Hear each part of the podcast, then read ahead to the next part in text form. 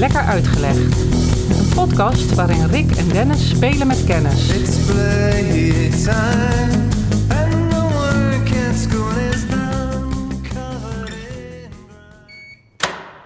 Ik ga je zeggen waar het over gaat. Vertel. Ik wil met jou de- eh, deze week hebben over de kop van Jut. Aha. Wat, wat is je eerste reactie? Kermis.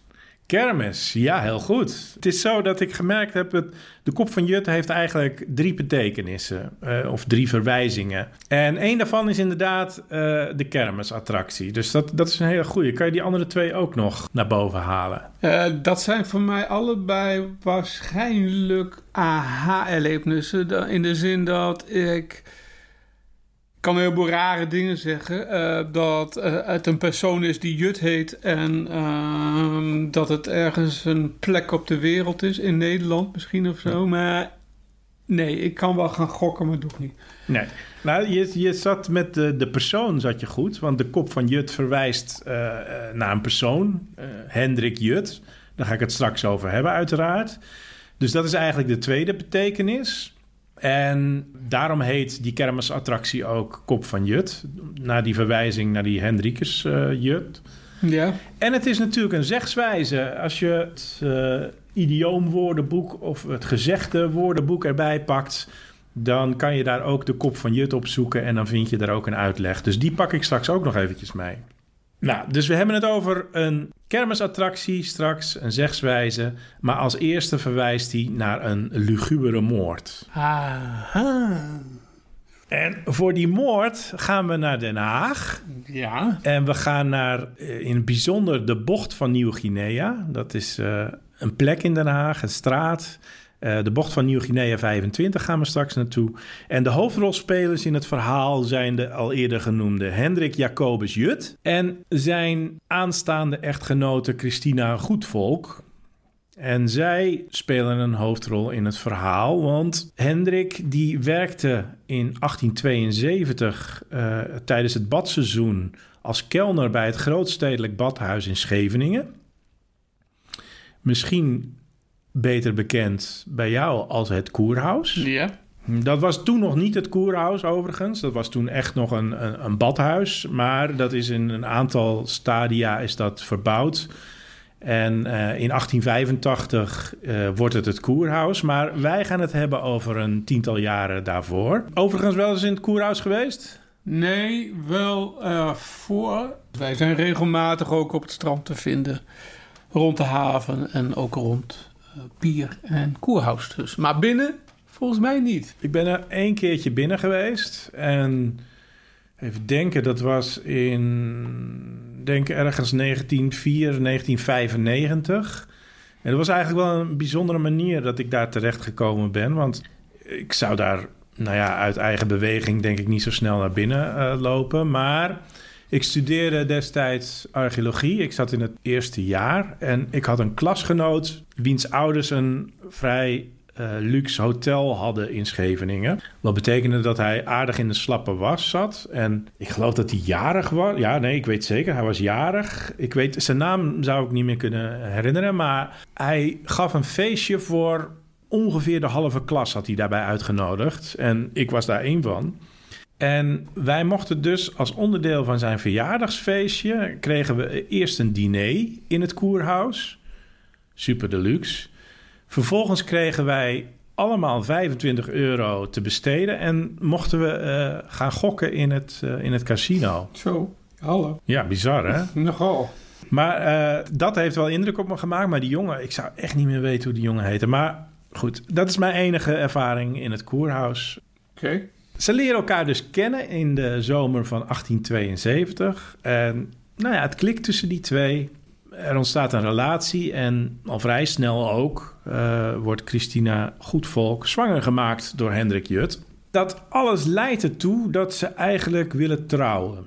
Hendrik wil niet dat het kind geboren wordt eh, als een bastaard. Dus eh, hij, hij ziet het wel voor zich om te trouwen en daar een eh, succes van te maken. Maar om te trouwen heb je geld nodig. En nou ja, oké, hij werkte dan als kelner verdiende wel een klein beetje, maar niet genoeg om, om een huwelijk ervan te betalen. Zijn toekomstige vrouw Christina, die werkte een beetje als dienstmeid. Nou, dat is ook geen vetpot. Dus samen konden ze daar niet genoeg geld voor bij elkaar schrapen.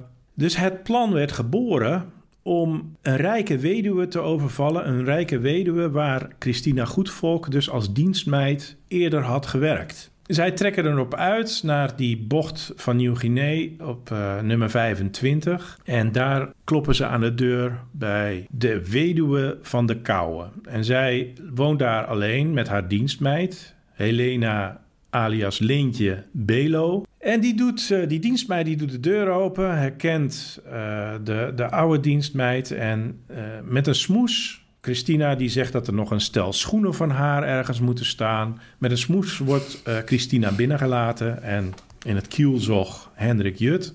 En in die gang wordt eigenlijk meteen al de dienstmeid Helena Belo wordt met messteken om het leven gebracht.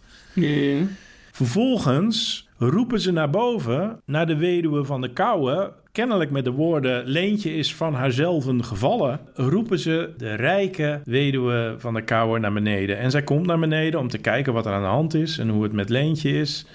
En zo gezegd, de overlevering vertelt dat terwijl de weduwe van Kouwe zich bezorgd over de dienstbode buigt, steekt Hendrik opnieuw toe. En wordt dus ook de weduwe omgebracht.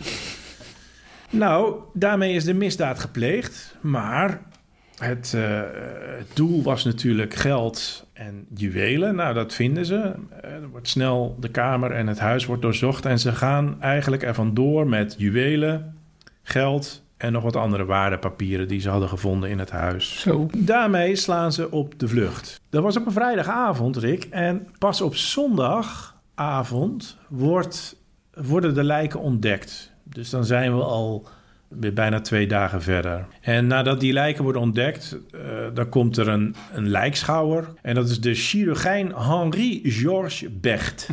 De man met drie voornamen, zeg maar. Ja, ja, ja, ja, ja. En, en zijn eh, relaas is, is bewaard gebleven, want hij heeft later een boekje geschreven. Het boekje heet De Moordgeschiedenis en het Spiritisme. Dat is de titel van het boek. En daarin komt een scène voor waarin hij eigenlijk beschrijft hoe hij de lijken vindt. Bij deze wil ik je vragen om dat eventjes eh, voor te lezen. Oké. Het gaat als volgt dus. Toen ik de drempel van dat huis betrad, overviel mij ene huivering. Meer nog toen ik het vreselijke schouwspel zelf onder de ogen kreeg. Versta wij mij wel, lezer. Dat was geen aarzelen of terugdeinzen voor de taak die ik daar te vervullen had.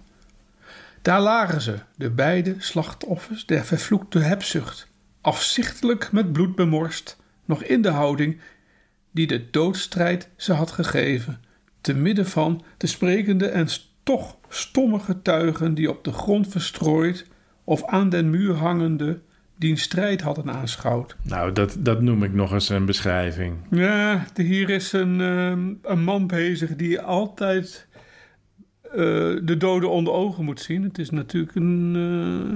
eh, is die, was hij medicus? Ja, hij was eh, eh, chirurgijn. Dus Chirurgijn, hij oh ja. moest, eh, Dus hij was wel wat gewend om, eh, om, om af en toe een eh, bloederige situatie te zien. Ja, en ik denk dat hij het ook wel gewend was om het onder woorden te brengen. Want hij, eh, hij maakte er een, een prachtig tafereel van. Hè?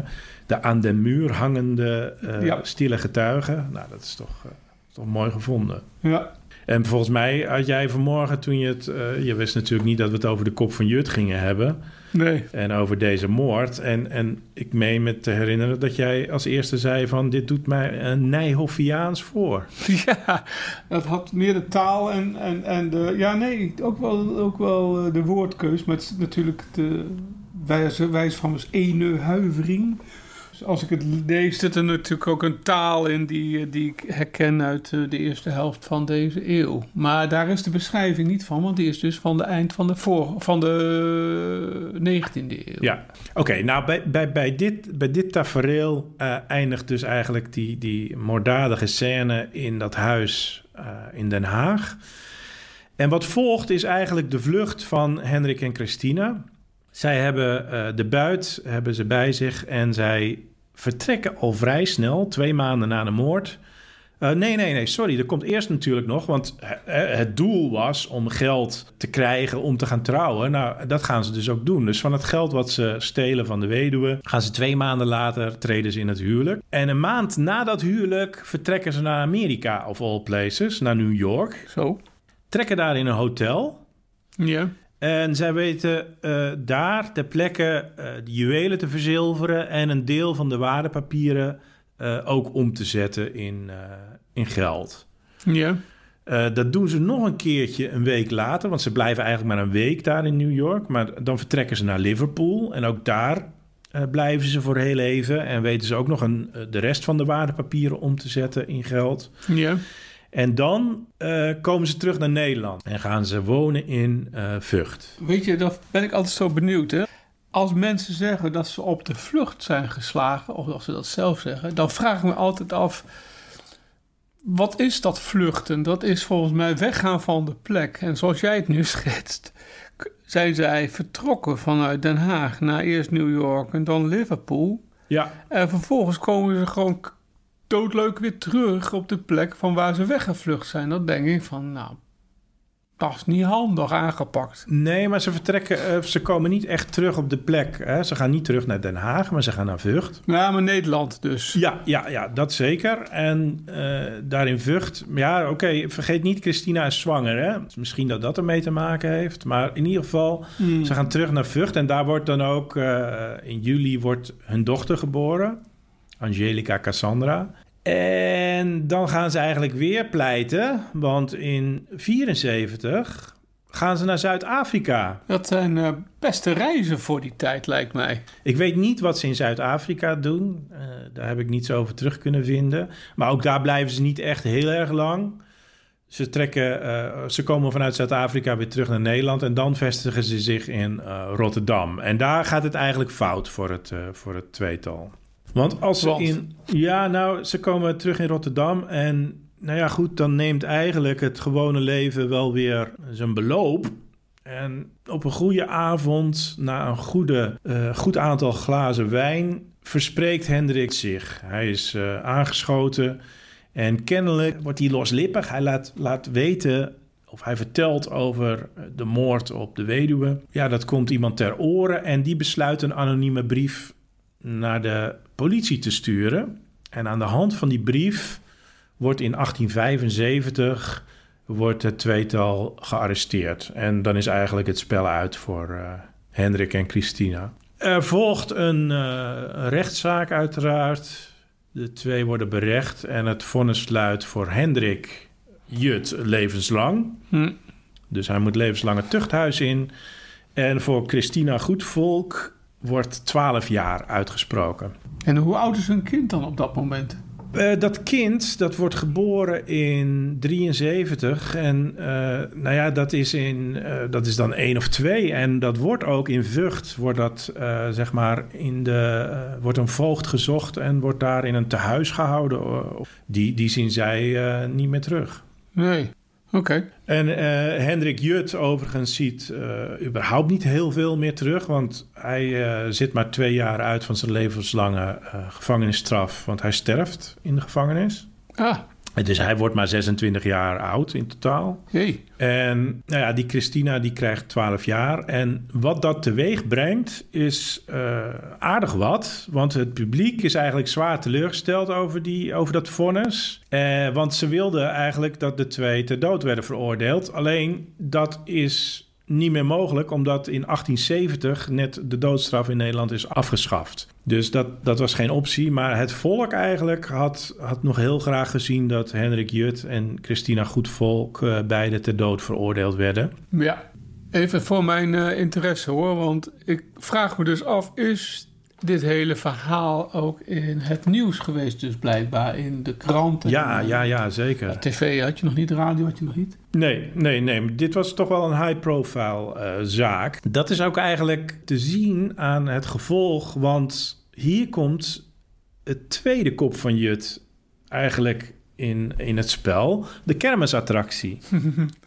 Want dat publiek was natuurlijk zwaar ontevreden. Die wilden dat ze de doodstraf kregen. En uh, daar was een slimme kermis, kermisexploitant uh, ingedoken. Want die, die had een manier gevonden waarop het publiek haar woede, woede eigenlijk kon afreageren. En dat werd de, de kermisattractie De Kop van Jut. En dat, die haalt hij uit Duitsland. Want in Duitsland bestond de Kop van Jut al langer. En daar heette hij de Houdin Lucas. Ja, ja, ja, ken ik. Je kent hem? Ja, ja. ja. Nou ja, dat, die, die, ging, hè, die stond in Duitsland al op, eh, op de messen en op de, de kermissen. En eh, De jaarmarkten. ja. ja, even voor degenen die hem niet kennen, want hij is ook inmiddels wel weer een beetje verdwenen van de kermissen. Maar kan jij beschrijven hoe die eruit ziet? De kop van Jut? Of de Hou Deen Lucas? Houdin Lucas. Wat hij in mijn herinnering eh, heeft, is een. Je hebt een hamer nodig natuurlijk. Dat is Ja. wat ik herinner. En eh, je hebt een soort paal, als het ware, waarover een ijzeren ring zit. En onderaan, eh, om die ijzeren ring naar boven te krijgen, zit een slaghout, een, een, een rond stuk hout. Dat als je daarop slaat, map je als het ware de ring of iets anders wat langs die paal de lucht inschiet. En hoe hoger je komt, eh, hoe meer je scoort. Dat Ja. is wat ik als kop van Jut in mijn hoofd heb. Ja, precies. Zit ik En in de buurt? ja, je, helemaal goed, helemaal goed. En dan was het eh, vaak zo dat nog eh, in de top een bel hing. Zo'n zeg maar, zo'n bel die Ja, je kent van, wel, ja. een, van een brandweerkazerne. Waardoor die metalen, dat metalen gewicht eigenlijk met een mooie knal tegen die bel aan vloog. En dan had je de top bereikt, zeg maar. Eh, nee, helemaal goed. Dat, dat is eh, eh, wat de kermisattractie inhoudt. Ja. En die, die Nederlandse exploitant die had dus slim bedacht van... ik doop die Houdin Lucas, die Duitse slagmachine... die doop ik om en ik geef hem de naam Kop van Jut. Waardoor het publiek natuurlijk meteen ja, een, een, een soort eh, tri- getriggerd werd... om een flinke klap uit te delen, hun woede af te reageren... op dat, eh, dat moorddadige tweetal. En dat werd een succes, die kermisattractie. Wat ik dan over die kermisattractie ook nog weer ontdekte, is dat die eigenlijk in Nederland voor, eh, als we even doorspoelen, en dan zijn we in de periode voor de Tweede Wereldoorlog, werd dat ding regelmatig gemanipuleerd. En dat is wel grappig, want eh, kijk, zo'n eigenaar wilde natuurlijk geld verdienen. hè. Iedere keer als je een klap wilde geven, dan moest je, moest je een stuiver betalen, ik zeg maar wat. En hij wilde natuurlijk dat er zoveel mogelijk geld in het laadje kwam. Dus wat, hij dan, eh, wat ze dan deden, en dat is eigenlijk een, een methode die nu nog steeds, die je ziet als je op straat wel eens besodemieterd wordt met balletje, balletje of zo. Dat gebeurde dus toen ook met de kop van Jut. Ja.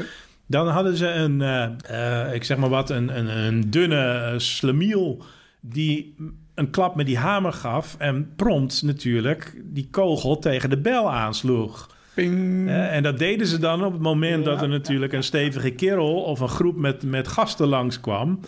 En die dan zoiets hadden van, hey, kom op zeg, hey, dat kunnen wij toch beter? Of als hij dat kan, dan kunnen wij dat ook. Niet wetende dat die eigenaar die bel kon eh, verzwaren, verlichten of tegen kon houden of wat dan ook. Hij kon in ieder geval manipuleren. Dus op dat moment dat zij een stuiver neerlegde van... ja, jongen, ik eh, laat mij eens een klap geven... werd het spel natuurlijk een stuk lastiger... en lukte het die mannen niet. Eh, hilariteit alom. Waardoor de rest van het groepje natuurlijk ook eh, aangespoord werd... Om, om nog een klap te geven. En ja, iedere klap werd natuurlijk een stuiver betaald. En zo werd er wat verdiend. En dan natuurlijk aan het einde, zo slim was die eigenaar dan ook wel weer... aan het einde dan liet hij natuurlijk eh, eh, dat ding ook wel weer een paar keer tegen die bel gaan... zodat ze niet ontmoedigd werden om nooit meer op dat ding te slaan. Ja, dat ken- ken ik dus van de, de Duitse jaarmarkt. Dan ken ik het inderdaad. En mijn, eh, mijn familie, die nog in Duitsland woont, eh, die hebben zo'n jaarmarkt die altijd zo in de zomer komt. Als, er, eh, als, als de wijnfeesten losbarsten in eind juli, begin augustus. En dan is stevast los van een klein reuzenrad. Een klein reuzenrad, is dat dan een gewoon rad? Ja, denk ik wel hè? Nee, het, het is een reuzenrad dat eh, langs eh, de Rijn staat. Maar waar ook, als je boven zit, dan zie je hem ook altijd staan... dat er ergens wel een, eh een Houdin Lucas eh, paraat staat. En waarop de jonge... De, jongens van het dorp eh, zich maar al te graag eh, even op eh, laten gaan. Om even meisjes van het dorp te laten merken dat zij een krachtige knul zijn met, met wie ze het leven door kunnen. Want ja, laten we wel wezen, zo'n houten, of zo'n Houdin Lucas, zo'n kop van Jut, dat is ideaal om te laten zien dat je een sterke man bent. ja, ja, uiteraard. Hey, maar, maar, maar dan even een Ja. gewetensvraag. Heb jij je wel eens een sterke man getoond dan? Eh, ja, maar met zo'n boksbal. Ja, zie, ja, ja, dat dacht ik al. Ja, ik heb dat ook. Ik, ik, kan me, Jij wel, hè? ik kan me één keer herinneren dat ik eh, eh, op een kop van Jut heb geslagen. En dat was een iets andere, want daar ging niet een metalen kogel omhoog naar een bel. Maar daar hadden ze in plaats daarvan hadden ze een raket. Met aan het puntje van het raket zat een, een klappertje. Aha. En dan schoot je die raket omhoog en dan schoot het klappertje tegen een plankje aan, waardoor je een knal kreeg. En dat kan ik me eh, eh, herinneren dat ik daar ooit eens een klap op gegeven heb, maar verder ook nooit meer. Maar die boksbal, man, daar heb ik, heb ik hele slechte herinneringen aan. Oh, wat dan?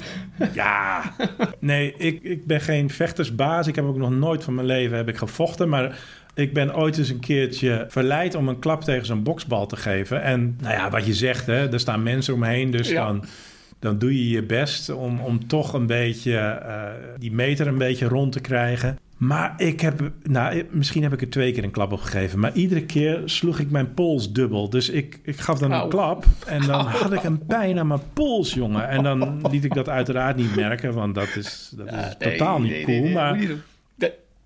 Nee. nee, dat is helemaal niks. Ik, ik kan dat helemaal niet. En daar, eh, daar, daar sluit ik eigenlijk eh, het onderdeel eh, kermisattractie eventjes mee af. En dan kom ik als laatste bij de vraag, de uitspraak... hij of zij of, of zijn een kop van Jut of is een kop van Jut... of is het kop van Jut, of hoe je het zeggen wil...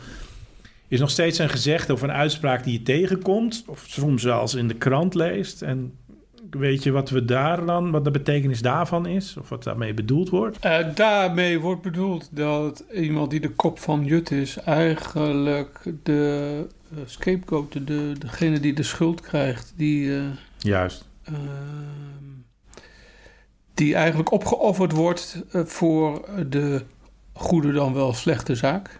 Ehm, heb ik het zo een beetje? Helemaal goed, ja. Ja, je las in de jaren 80 en 90 nog wel eens in de krant van... eh, bij een opstandje of een, of een rel of bij krakersrellen... van op straat werden ruiten ingegooid en de politie trad op... en werd vervolgens de kop van Jut. Alleen, dat is al wel een tijd geleden hoor, dat ik dat eh, gelezen heb.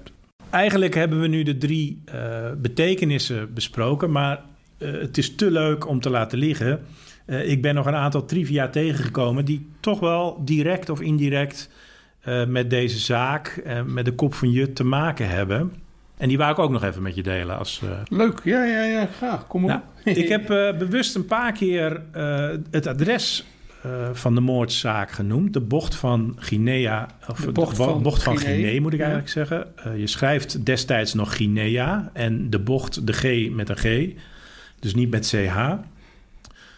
De moord werd gepleegd op nummer 25. En waarom heette die straat nou de bocht van Guinea? Dat stamt al uit, uit ver daarvoor. En dat, die heeft die naam gekregen omdat in die bocht stond een logement. En een logement, dat is een nou ja, kroeg slash eh, hotel. Daar kon je dronken worden en een slaapplek eh, krijgen. Ehm, die was in die tijd behoorlijk populair. En omdat die, die kroeg was zo populair en die kroeg heette de Bocht van Guinea... eh, dat de rest van de, van de straat eigenlijk al automatisch die naam had meegekregen. En dan kan je je nog afvragen van waarom heette die kroeg nou Bocht van Guinea dan? Want eh, dat, dat krijgt ook niet zomaar een naam. Daar is men niet helemaal over uit, maar het idee is, het vermoeden is dat daar handelaren samenkwamen om een borrel te drinken.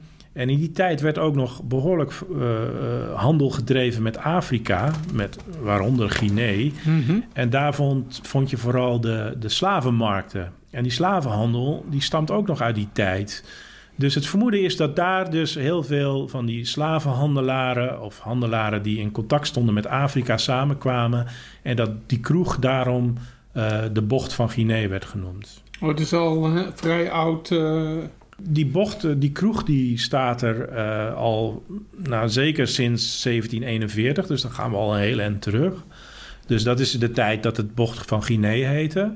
Na die moord, want ik weet niet of je het terug gaat vinden... maar na die moord is die naam namelijk eh, veranderd. Want dat ligubere moment, dat vond de bevolking... nou ja, niet zo fijn om aan terug, terug te denken...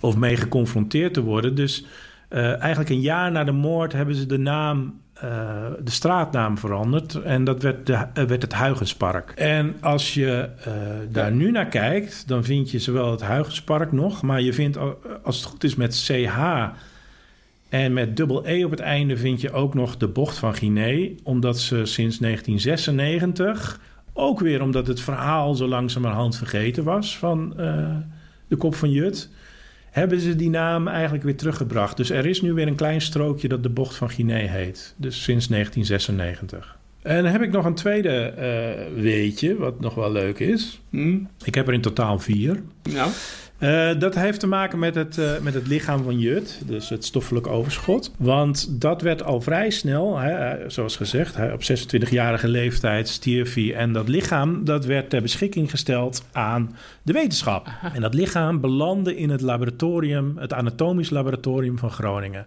En werd studiemateriaal voor anatomische lessen. oké. En de kop, dus het hoofd van Jut, dat werd bewaard op sterk water. Dus er was dus ook fysiek echt letterlijk een pot met daarin de kop van Jut Oké. op sterk water. En die werd in 1951 werd die, eh, door de nazaten van de patholoog anatoom eh werden die geschonken aan het Leijenburg ziekenhuis in Den Haag. Eh, die hebben hem in ontvangst genomen, maar helaas is het toch fout gegaan met die kop, want de pot waarin hij zat was niet goed afgesloten, waardoor het alcohol verdampte en eigenlijk eh, het hoofd niet langer meer eh, te bewaren was. Dus dat, dat echte hoofd, dat is uiteindelijk eh, verloren gegaan. Maar er is nog steeds een gipsen afdruk. En naar mijn weten bevindt die zich eh, eh, nog steeds in Groningen in het laboratorium. Maar dat weet ik niet zeker eigenlijk. Ik ken het anatomisch laboratorium wel, want eh, ik heb een aantal jaren daar college gelopen op- bij het UMC, bij het Groninger Universitair Centrum. En ik heb daar zelfs een paar jaar nog gewerkt. Dus ik ben daar ook binnengelopen, maar om eerlijk te zeggen, heb ik geen herinnering aan een gipsafdruk van de kop van Jut. Moet ik ook zeggen, het gekke is dat vaak bij dingen wel of niet hebben gezien, of je herinneren dat je het hebt gezien, er ook een soort hecht, aanhechting in je geheugen moet zijn, zodat je eh, weet dat, eh, dat het dat is. Terwijl ik, Ja, ja, ik, kop van Jut zegt zeg me natuurlijk wel heel veel. Eh, Ik ken de uitdrukking. Eh, en ken het kermis, eh, de, ken, de kermisattractie. Mhm. Maar ik kan me niet herinneren dat ik in het anatomisch laboratorium, want dat is voor een deel ook open, eh, die kop van Jut afdruk heb gezien. Maar ehm, hoe komt dat dan in Groningen? Want laten we wel wezen, Leiden is dichterbij. Nou, volgens mij heeft dat te maken met zijn gevangenschap. Want hij zat gevangen in Leeuwarden. En dan zit je natuurlijk al behoorlijk in het noorden. En ik denk dat hij, omdat hij overleden is in de gevangenis, dat hij van, van daaruit waarschijnlijk naar Groningen gegaan. Ga meer, ik wil meer. Ja, Nou ja, ik ga je nog meer geven. Want, maar dit, dit is een, een gerucht hoor. Dit, dit kom- gerucht komt uit de gangen eh, van de Universiteit van Groningen. ja. Want eh, diezelfde tijd was daar namelijk een vrouw in opleiding. Welbekende Aletta Jacobs. ja. Zij deed een artsenopleiding in Groningen. En zij zou naar verluid als arts in opleiding... dus aan het lichaam van Hendrik Jut eh, hebben gewerkt. Zij zou een deel daarvan hebben ontleed. Maar pin me er niet op Ik vast. kan je wel zeggen, als over de afdruk van Ja. het gezicht eh, van het hoofd van Aletta Jacobs, dat ken ik dan weer wel.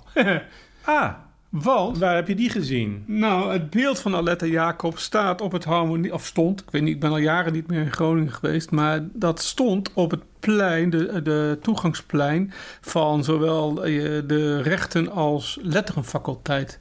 Het harmoniegebouw waar ik mijn laatste studiejaar... of mijn laatste twee studiejaren heb doorgebracht... dat eh, steed- eh, zit in het centrum van eh, de stad Groningen... En daar staat dus een beeld Een borstbeeld van, eh, een, een- van Aletta Jacobs, als ik me het goed herinner. Dus ik weet iets van Aletta Jacobs. Ik weet niet of zij inderdaad met... Dan, dan, ben jij, dan ben jij twee ogenblikken verwijderd van Hendrik Jut, Rick. Want jij hebt in de ogen gekeken, gekeken van Alette Jacobs... die eh, op haar beurt in de ogen heeft gekeken van Hendrik Jut... op de ontleentafel. Dus, nou, Ah, dichterbij kan het niet zijn. Ik wist niet dat jij zo verbonden was aan Hendrik Jut. Nee, Nou, je, je hebt nog één trivia van mij te goed... kom maar op. En eh, dat eh, is er eentje uit dezelfde periode. En dan gaan we naar Pieter Kort van der Linden. Ken je die toevallig? Ik heb een hele snelle reactie en dat is een museum. Maar dat klopt niet, denk ik. Oh, dat zou best kunnen hoor. Want het was namelijk een vooraanstaand figuur eh, in de Nederlandse geschiedenis. Dus het, het zou zeker kunnen dat er misschien een eh, museum bestaat dat naar hem vernoemd is. Ik ken het niet, maar het zou zeker kunnen. Hij, hij is namelijk eh, premier van Nederland geweest. Ah, oké. Dus, eh, en, en wel in de tijd van de Eerste Wereldoorlog. Dus het is niet zomaar een premier geweest. En hij was een liberaal. Dus eigenlijk is hij ook nog eens de voorganger van Mark Rutte. Want daarna hebben we geen liberale premiers meer gehad. Nee. En over hem valt te vertellen eh, dat, eh, als we even naar zijn persoonlijke geschiedenis gaan, dat hij eigenlijk Nederland eh, door de Eerste Wereldoorlog geholpen heeft. Hè. Hij, eh, hij heeft ons land neutraal gehouden, om het maar even heel kort door de bocht te zeggen. Eh, overigens was hij zelf eh, behoorlijk pro-Duits. En hij staat bekend ook onder de naam Pieter Unterdenlinden om die pro-Duitsheid een beetje te benadrukken, gekscherend. Ja. Maar hij heeft Nederland eigenlijk neutraal gehouden in die Eerste Wereldoorlog. En hij was premier van 1913 tot 1918. Maar wat heeft dat nou met eh, de kop van Jut te maken? Nou, eigenlijk heel veel. Want voordat hij premier werd, was hij advocaat. En hij was de advocaat van Hendrik Jut. Ah, dat is leuk. ja, ik bedoel, leuk, leuk feitje. Dat, eh, Een leuk feitje. ja. Nou, en dat betekent dus dat ik eh, nu in zo'n minuut of veertig ontzettend veel leuke feitjes te weten gekomen ben over eh, de kop van Jut. Die nu opeens, zoals jij dat noemt, vasthaken aan een heleboel elementen in Groningen, in Den Haag, in de vaderlandse geschiedenis. Die ons eigenlijk dwingen, denk ik, Rick, om dit verhaal van eh, Hendrik Jut en Christina Goedvolk. Eh, misschien hier en daar eh, tijdens het nuttigen van een biertje nog eens een keertje door te vertellen aan anderen. Wat denk jij? Lijkt mij, eh, lijkt mij wel een heel erg leuk iets. Ik denk dat binnenkort met het mooie weer, weer eens buiten zittend met andere mensen, je zoiets gewoon even kort laat kunnen laten vallen. En dan daar niet alleen het standaard verhaal Ja. van Kop van Jut, wat iedereen toch wel ergens een bel doet rinkelen. Hey, hey, hey. Maar daar vervolgens dan ook... eh, Ergens een bel doet rinkelen. Ik Huh? zeg niks. Dat doet rinkelen. Ja, leuk hè? Ja, ja, ja. Moeiteloos hè? Schud ik zo even uit mijn eh, korte mouw. Ja, hey. Soms weet ik eigenlijk niet eens wat ik zeg. En toch besef ik me dan na de hand van... Oh man, je bent...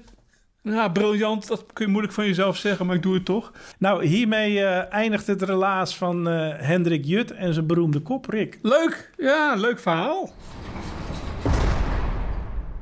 Lekker Uitgelegd is een podcast van Dennis Ai en Rick Roeland. Wil je geen uitleg missen? Abonneer je dan op Lekker Uitgelegd.